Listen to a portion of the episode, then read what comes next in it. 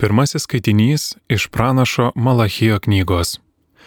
Aš esu didis karalius, kalbėjo galybių viešpats, ir mano vardas įkvėpia pagarbą tautoms. O dabar, kunigai, šis įsakymas yra jums. Jei neklausysite ir nepaimsite į širdį, kad reikia gerbti mano vardą, kalbėjo galybių viešpats, prakeiksiu jūs. Jūs nuklydote nuo to kelio, suvedžiojote daugelį savo mokymų, sulaužėte Levio sandorą kalbėjo galybių viešpats. Todėl aš savo ruoštų paniekinsiu ir pažeminsiu jūs visos tautos akise, dėl to, kad nesilaikėte mano kelių ir šališkai elgėtės mokydami. Argi ne vieną mes visi turime tėvą? Argi ne tas pats vienas Dievas mūsų kūrė? Tai kodėl neištikimai elgiamės vienas su kitu, paniekindami mūsų protėvių sandorą? Tai Dievo žodis.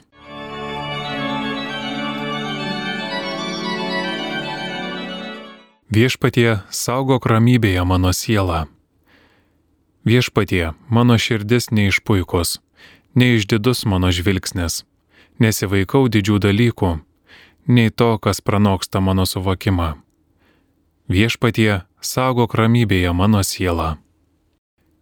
Netgi patenkintas esu ir nurimęs, kaip vaikas ramus ant motinos kelių, taip rami širdis mano krūtiniai viešpatie, saugok ramybėje mano sielą.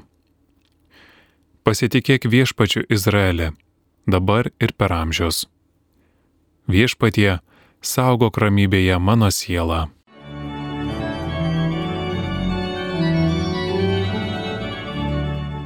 Antrasis skaitinys iš Šventojo apaštalo Pauliaus pirmojo laiško tesalonikiečiams. Broliai ir seserys, Mes jums buvome švelnus tarsi motina, globojanti savo kūdikius. Taip jūs mylėdami troškome pasidalyti su jumis ne tik Dievo Evangeliją, bet ir savo gyvybę, nes tapote mums be galo brangus. Jūs, broliai ir seserys, atsimenate mūsų triūsą ir pastangas, dirbdami per dienas ir naktis, kad neapsunkintume nei vieno iš jūsų, skelbėme jums Dievo Evangeliją. Todėl mes be paliovos dėkojame Dievui, kad prieėmė mūsų paskelbtą į Dievo žodį. Jūs prieėmėte jį ne kaip žmogaus žodį, bet kas jis iš tikro yra, kaip Dievo žodį, kuris ir veikia jumise tikintieji. Tai Dievo žodis.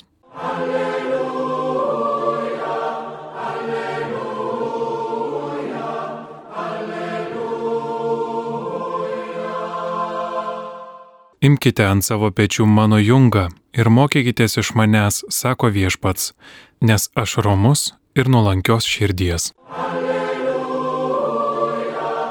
alleluja, alleluja. Pasiklausykite šventosios Evangelijos pagal matą.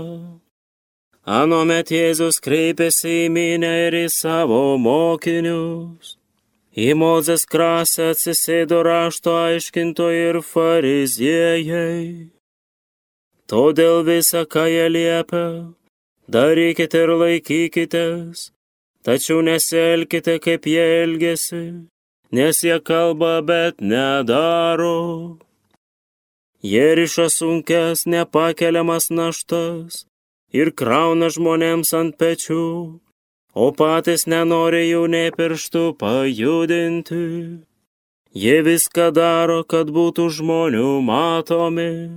Jie pasiplatina maldos diržus ir pasididina apsaustų spurgus. Jie mėgsta pirmasias vietas pokiliuose, bei pirmasias kėdės sinagogose, mėgsta sveikinimus turgus aikštėse ir trokšta, kad žmonės vadintų juos rabi. O jūs nesivadinkite rabi, nes turite vienintelį mokytoją, o jūs visi esate broliai.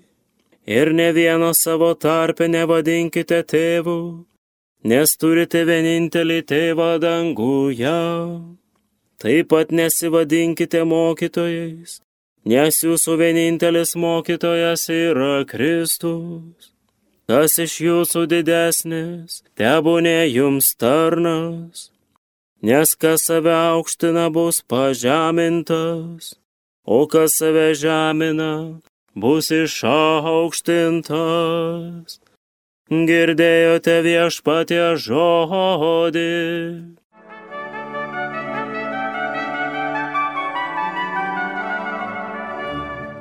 Mėly Marijos radio klausytojai, šiandien šventasis apaštas Paulius ypač pabrėžia tikinčiųjų broliškumą, tarpusavio rūpesti vieni kitais, meilę. Jis sako, mes jums švelnus tarsi motina globojanti savo kūdikį.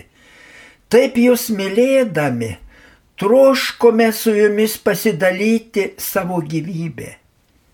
Brangieji, argi iš meilės mums šventasis Paulius nepasidalino savo gyvybę?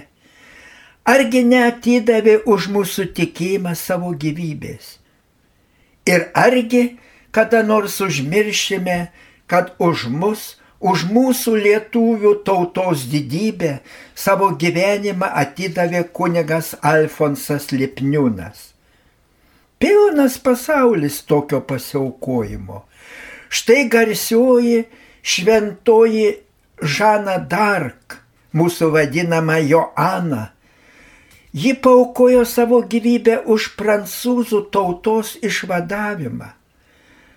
Pasakoja mano pažįstamas kunigas Rudolfas Štertenbrinkas.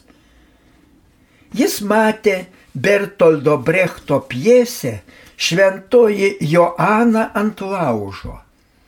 Labiausiai jį paveikė artistė suvaidinusi Joaną giliai tikinčią Joaną Dievui atsidavusią, pamaldžią mergaitę, be galo liūdino tai, kad jos prancūzų tauta taip vargsta, taip baisiai anglų nuskurdinta, paverčiama tiesiog vergais. Jau šimtą metų jį karo varginama. Joana nusprendė, kad ji privalo išvaduoti Prancūziją iš anglų okupacijos. Įsivaizduokite, 16 metų mergaitė apsirengė kario rūbais ir ėmė šaukti tautą į kovą. Ir vadovavo tai kovai. Pavyko išvaduoti anglų ap apgultą Orleaną, todėl ji vadinama Orleano mergele bet nepavyko išvaduoti Paryžiaus. Joana buvo paimta į nelaisvę, perduota inkvizicijai, apkaltinta raganavimu, burtais, hipnozė, erezija. O Leno mergelė buvo perduota pasaulietiniam teismui, kuris už raganavimą nuteisė ją mirties bausme. Buvo gyva sudeginta ant laužo Ruano turgoje Bet po 25 metų jos byla pasiekė popiežiau Kalikstą III. Šis išteisino Orleano mergelę, reabilitavo ją, o po 464 metų 1920 ji paskelbta šventąją. Pasaulio galingųjų ji buvo sunaikinta bet galų gale iškelta į altorių garbę. Dabar jį Prancūzijos globėja, prancūzų tautos vienybės ir kovos už nepriklausomybę simbolis. Visa tai pagrindinė aktorė scenoje labai talentingai suvaidino. Kunigas parašė jai laišką, dėkojo už tą nuostabę tikėjimo žinę perduota jos vaidinimu. Kunigas nesitikėjo jokio atsakymo ir aktorė jam nerašė. Bet po mėnesio telefono skambutis, verksmingas, vos girdimas balsas iš nervo ligoninės. Tai artistė vaidinusi Joaną. Ji prašė, kad kunigas ją aplankytų. Ir štai kunigas jos palatoje. Seselės atnešė vakarienę, arbatos, duonos, dešros.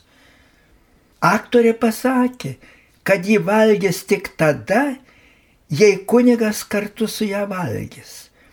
Taip jie ir dalinosi duona, arbata, žodžiu. Po savaitės kunigas gavo laišką. Neprisimenu, ką mes kalbėjome, bet vieną žinau. Mes dalinomės duona, arbata ir žodžiu. Jūs man tokiai vienišai ir lygotai parodėte, kad esate tikras brolis. Dalinotės su manimi kaip su seserimi. Dalinotės. Taip, žmogus žmogui yra brolis, kai jis dalinasi duona, žodžiu, laiku, pinigais gyvenimu. Mūsų pasakyti žodžiai yra nepaprastai reikšmingi. Neužmirškime to, brangieji. Tai mums paliūdė, kad be broliškumo neįmanoma žmogaus gyvenimas. Pats Jėzus Kristus nori, kad mes broliškai sugyventume, kad padėtume vieni kitiems, kad būtume dvasia vieningi. Todėl turime dažniau ir daugiau mąstyti apie broliškumą. Patys pirmieji žemės broliai buvo Kainas ir Abelis. Žinome, kad Kainas iš pavydo nužudė Abelį.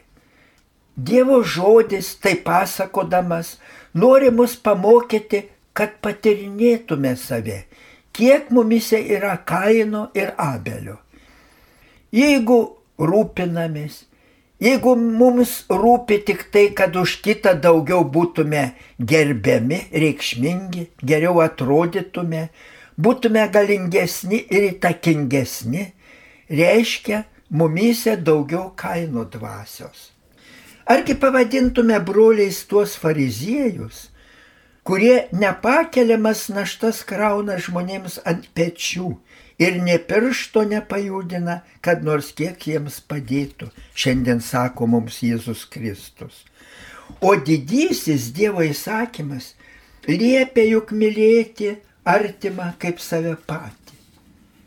Prisiminkime, prisiminkime, kaip veidmainingai klausia fariziejai, klausia Jėzaus, kasgi mano artimas. Jėzus atsako tuo palyginimu apie gerąjį samarietį. Prisiminkime, pro sužeistą žmogų nepadėdami praėjo pro šalį du, o tik samarietis sustojo ir pagelbėjo jam, nugabeno į užeigą. Galų gale Jėzus ir klausė fariziejaus, kas iš šitų trijų tau atrodo buvęs artimas? Nori, nenori, tas fariziejus turi atsakyti, tas, kuris buvo gailestingas. Jėzus aiškiai, taip nepaprastai aiškiai pabrėžia, brolis tas, kuris padeda, kuris nugali savo savanaudiškumą. Dar daugiau, jis pabrėžia, nėra didesnės meilės kaip gyvybę už kitus atiduoti. Popiežius Pranciškus yra išleidęs nuostatą, kad turi būti pripažinti bent palaimintaisiais tie, kurie už kitus atidavė gyvybę. Dėl meilės nepaisimu Jėzus nekarta priekaištavo žydų vyresniesiems, todėl buvo prikaltas prie kryžiaus. Bažnyčios tėvai kryžių su ištietomis nukryžiuotojų rankomis vadina didžiausios meilės, didžiausio broliškumo simboliu. Tad ir mes, primdami patį Dievą šventoje komunijoje, jo kūną primdami, turime visada pasitikrinti, kiek mumise yra to tikro broliškumo. Amen.